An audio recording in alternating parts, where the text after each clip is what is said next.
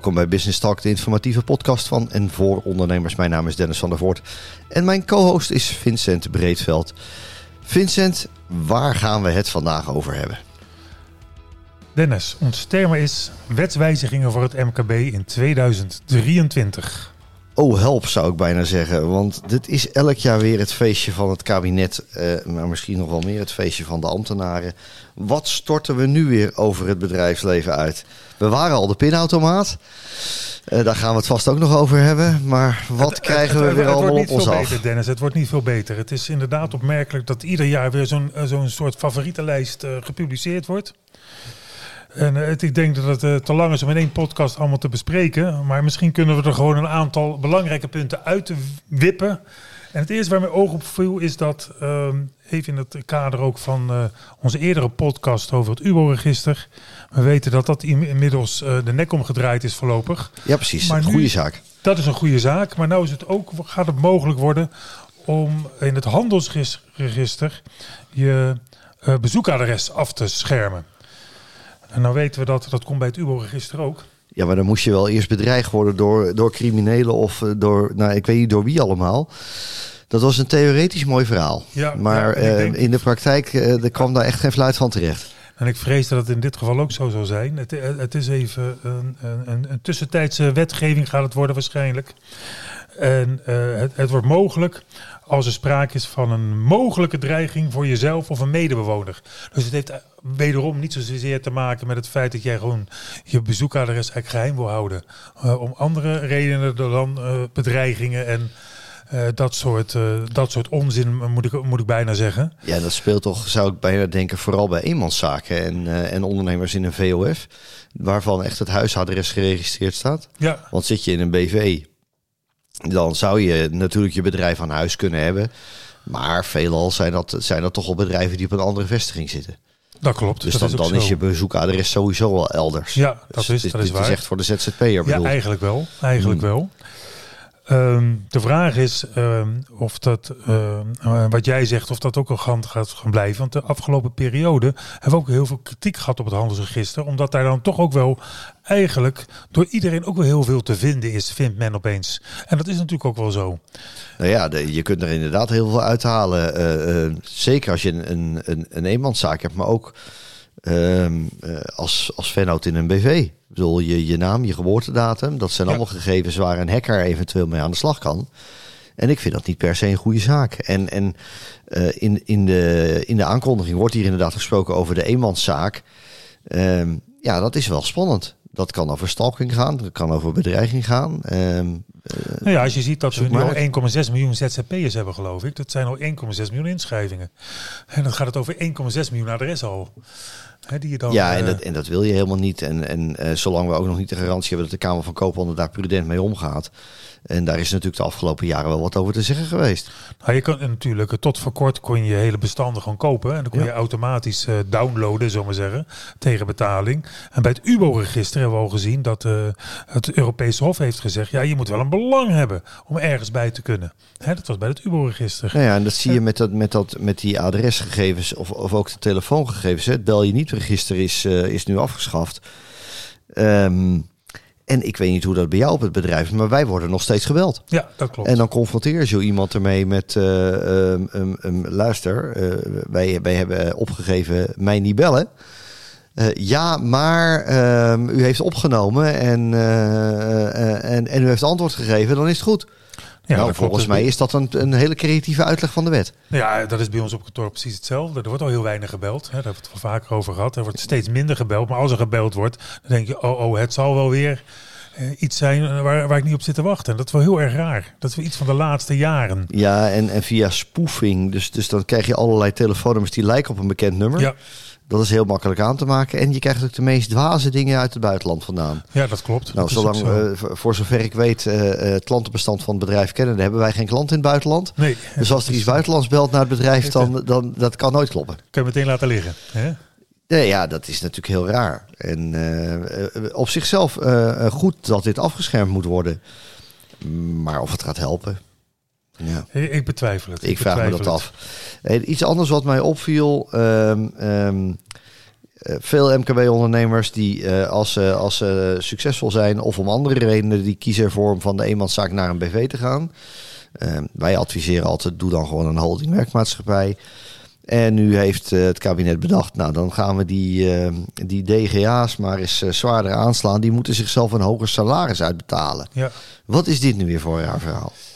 Nou, eh, eigenlijk denk ik, Dennis, dat het dan neerkomt eh, vanuit de gedachte dat de staatssecretaris heeft gezegd. Hè, eigenlijk van ieder, de, de DGA's moeten ook maar eens meebetalen.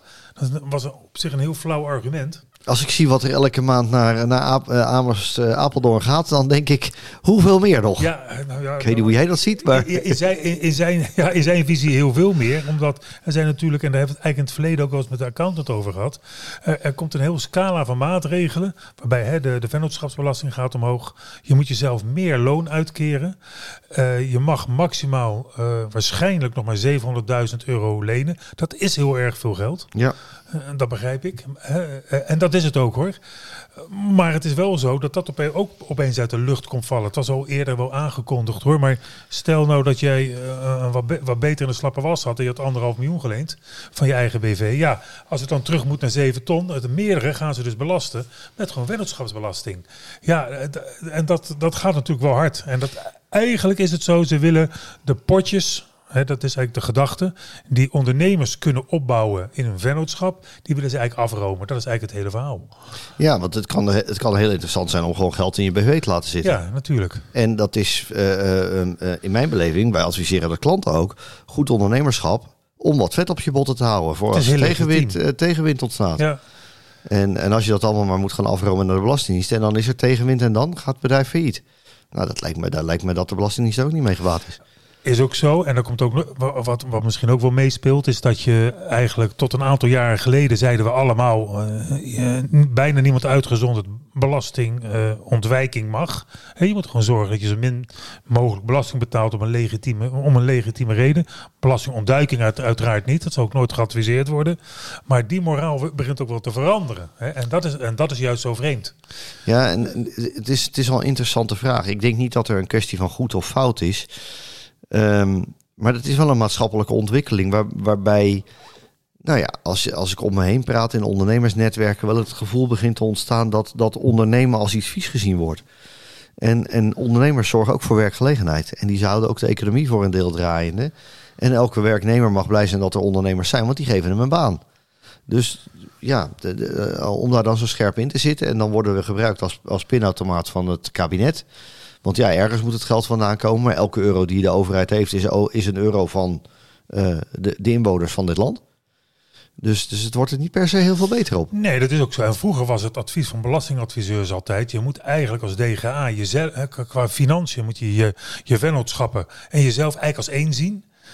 Want af en toe vraag je het ook wel eens af, moet het dan zus of zo? Je zegt, ja, je moet het gewoon als één zien. En je hoeft niet altijd alles eruit te halen. Want wat jij zegt, eh, dat kan in de toekomst ook. En dat hoeft niet altijd belasting georiënteerd te zijn. Dat je zegt dat je dan minder belasting hoeft te betalen. Nee. Maar omdat je dan de middelen, misschien de winst niet maakt, maar de middelen wel hebt om gewoon door te leven. Nou ja, dat is een vraag die wij natuurlijk aan ondernemers wel stellen. Hè. Op het moment dat ze in zwaar weer komen van waarom heb je geen potje eh, Ja, reserve opgebouwd? Precies. Ja, En nu zegt de staat eigenlijk van, eh, ja, dat willen we helemaal niet. dat romen we af. Ja, dat, daar komt het eigenlijk op neer. het lijkt me geen goede ontwikkeling. Is het niet? Maar goed, En- straks komt er weer een nieuw kabinet en die bedenken misschien weer wat anders. Ja. Want niets, niet zo veranderlijk als de overheid. maar ja, dat je terugkrijgt, dan denk je dat wel kan vergeten. Ja, dat is altijd eh, een lastige. Maar dat is wel een mooi bruggetje, want dat zie je ook in die schijven van de vennootschapsbelasting. In de eerdere kabinetten Rutte zijn die eh, omlaag gegaan. Hè. We hebben toen nog die hele discussie ook gehad over dividendbelasting. Nou, laten we het daar niet over hebben. zou- ja, Eh, maar schijf 1 ging naar 335.000 euro winst. ja, En, eh, en ook nog eens het tarief naar beneden voor kleine ondernemers, naar 15 procent. Nou, daar waren we allemaal heel blij mee. Is goed voor het vestigingsklimaat. Ook eens een keer voor de binnenlandse ondernemers. Want belastingen voor, voor buitenlandse bedrijven waren al heel gunstig in Nederland. Ja, dat wordt eigenlijk gewoon teruggedraaid.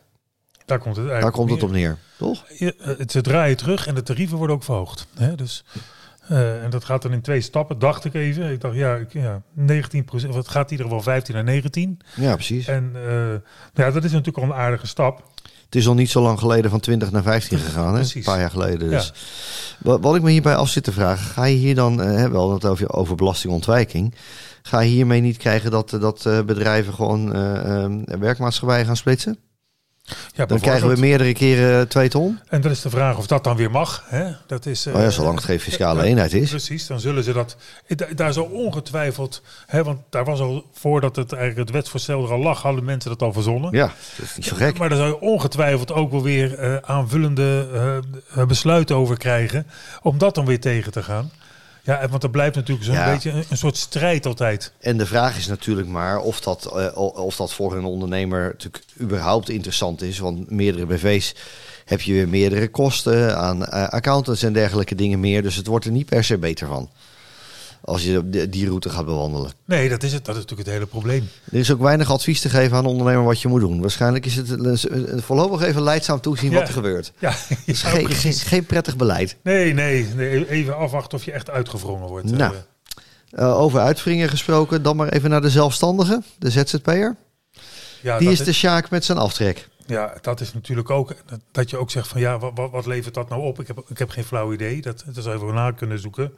Maar eh de zelfstandige aftrek die is al jaren aan het dalen eigenlijk. En die gaat naar, even kijken hoor, dan moet ik even heel goed kijken, naar 900 euro in 2007. Ja, ze gaan nou het versneld dan 5000 afbouwen. Is. Dat wordt afgebouwd alleen maar om het verschil tussen werknemers en ZZP'ers, om dat kleiner te maken. En de overheid is nog steeds tegen ZZP'ers. Ja, het is alleen wel 100% vervelend waar. dat je de zelfstandige schoenmaker, bakker, slager en andere winkelier, mee eh, de autorijschoolhouder, die, die raak je daar natuurlijk net zo hard mee. Eh, want dat zijn ook zelfstandigen. En eh, dat, dat vergeten we met z'n allen wel. Hè. Er wordt natuurlijk gezegd, er zijn anderhalf miljoen zelfstandigen.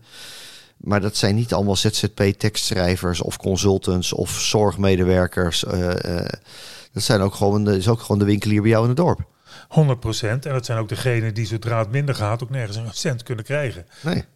Geen uitkering, niks. Ja, bijstand. Als het helemaal Nou ja, kijk, dat zag je natuurlijk in, in coronatijd. Dat eh, ehm, ehm, eh, er voor zelfstandigen die op hun huisadres hun bedrijf hadden, die kregen niks.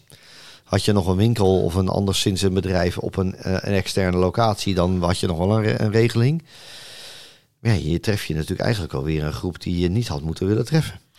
En, en het gekke is, en als je ook even een brugje maakt, even een stapje terug met die andere maatregelen. Dat je aan de ene kant zegt, in coronatijd hebben ze genoeg geholpen. En was het vaak het verwijt, had je niet kunnen sparen. Nu is die coronatijd voorbij. En dan zeggen ze van luister eens, dan gaan we alles nog een keer daarboven even extra afromen. En eigenlijk het ondernemerschap minder interessant, maken. Dat hoeft niet. Je hoeft die maatregelen toch niet te nemen. En da- en dat is juist het interessante. Nee, dat maakt het natuurlijk ook zo dubbel. Kijk, eh, eh, eh, we hebben een, een, rechtskabinet, maar dit is natuurlijk puur, puur een nivelleringslinksbeleid. 100 Om, om, om de, de verdiensten over de hele lijn gelijk te trekken. En dat je een bepaalde solidariteit wil hebben, daar zal niemand op tegen zijn. Maar dit, dit gaat natuurlijk, slaat wel door. Nou, het raar is, ik zeg altijd, als je het niet zeker weet, doe dan niets. Nee. Dan kun je toch ook zo laat als het is, nog een jaartje of twee jaar. Maar dit is puur een uitvloeisel uit een debatje in de Tweede Kamer. Dat is het.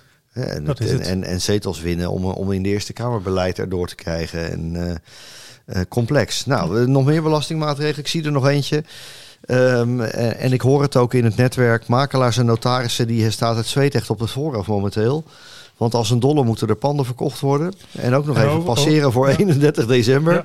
Want die overdrachtsbelasting eh, vliegt de pan uit. Dat is ook slecht voor de markt. Nou, dat is het. Want de, want de vraag is uiteindelijk waar dat terecht komt en wat er mee, mee gaat gebeuren. Ja, dat geld gaat is, in de staatskas. Dat langzaam. dat sowieso. Ja, dat klopt. Dat is zo. Het gaat naar 10,2 dacht ik. Heb je het nog 10,4 voor je? 10,4 procent voor, 10,4 eh, voor tweede woningen Ja. eh, en voor grond. En ehm, ehm, het is 8 eh, als het om zakelijk vastgoed gaat. Het was al relatief hoog, hè? In Ja, dat, dat, in vergelijking met, met woonhuizen waar het natuurlijk op een gegeven moment afgeschaft is, ehm, is, is het hoog. Maar je merkt het wel. ehm, spreek nog wel eens inderdaad wat, eh, wat bedrijfsmakelaars. Ja, die, eh, die, die moeten hard lopen momenteel. En notarissen ook. Die, eh, die kunnen het bijna niet bijbenen om alles nog gepasseerd te krijgen Ja. voor eh, 31 december van dit jaar. Nou, dan hebben we nog één dingetje, denk ik, waar we het ook even Ja. over moeten hebben. Over belastingen. Dat is dan wel weer, een, wel weer gunstig voor werknemers. De onbelaste kilometervergoeding, we hebben het er al eens eerder over gehad. Die gaat maar liefst met 2 cent omhoog naar ja, het 21 is- cent. Ik denk dat Echt. we allemaal de nieuwe auto kunnen uitzoeken. Ja, want het is het gebeurd, eh, Dennis. Dat is echt een eh, hilarisch ja, getal hier. Die 19 cent kon al 20 jaar lang niet uit. En hier ga je natuurlijk je medewerker niet blij mee maken. Eh, dat, dat, dat leidt natuurlijk toch helemaal niks. En het grappige is dat... En dan volgend jaar komt er nog een cent bij. Het gaat nog in twee stappen ook. Maar 21 is naar 21 en dan naar 22, dacht ik. Ja, het is natuurlijk hilarisch en uh, volslagen lachwekkend. Ja, en als je dan weet dat er natuurlijk van, van Rijkswegen ook gezocht wordt naar betalen naar gebruik. En dat moet dan allemaal in 2030 ingaan. Dan denk je, waar doe je dit soort flauwekul allemaal nog voor? Ja, dat is het natuurlijk. Want het kost altijd, zo'n verandering kost ook altijd geld. Ja, en ik, ik, ik, heb ook pas een nieuwe term geleerd, dat heet uh, uh, uh, grondslagerosie. Oh, oh. Dat betekent in normaal Nederlands dat welke maatregel de overheid ook treft, er mag nooit minder belasting binnenkomen. Nee, dat is, dat, dat is het doel. Nou, dus dat, is niet het middel, maar zeggen. Ja. Nou, het, het, wordt, het is een beetje treurigmakend. Treurig, maar ja, um, um, tot zover even um, allerlei fiscale maatregelen die per 1 januari uh, 2023 ingaan. Er zijn nog allerlei andere maatregelen. En daarover gaan we het in een, uh, ik denk maar weer in een volgende podcast uh, dan toch wel hebben. Ik denk het moet. Ja, ja. Het kan niet anders. Nou, tot zover Business Talk over de wetswijzigingen per 2023. Vooral even de fiscale maatregelen. Bedankt voor het luisteren en graag tot de volgende keer. En dan gaan we het over alle andere maatregelen hebben.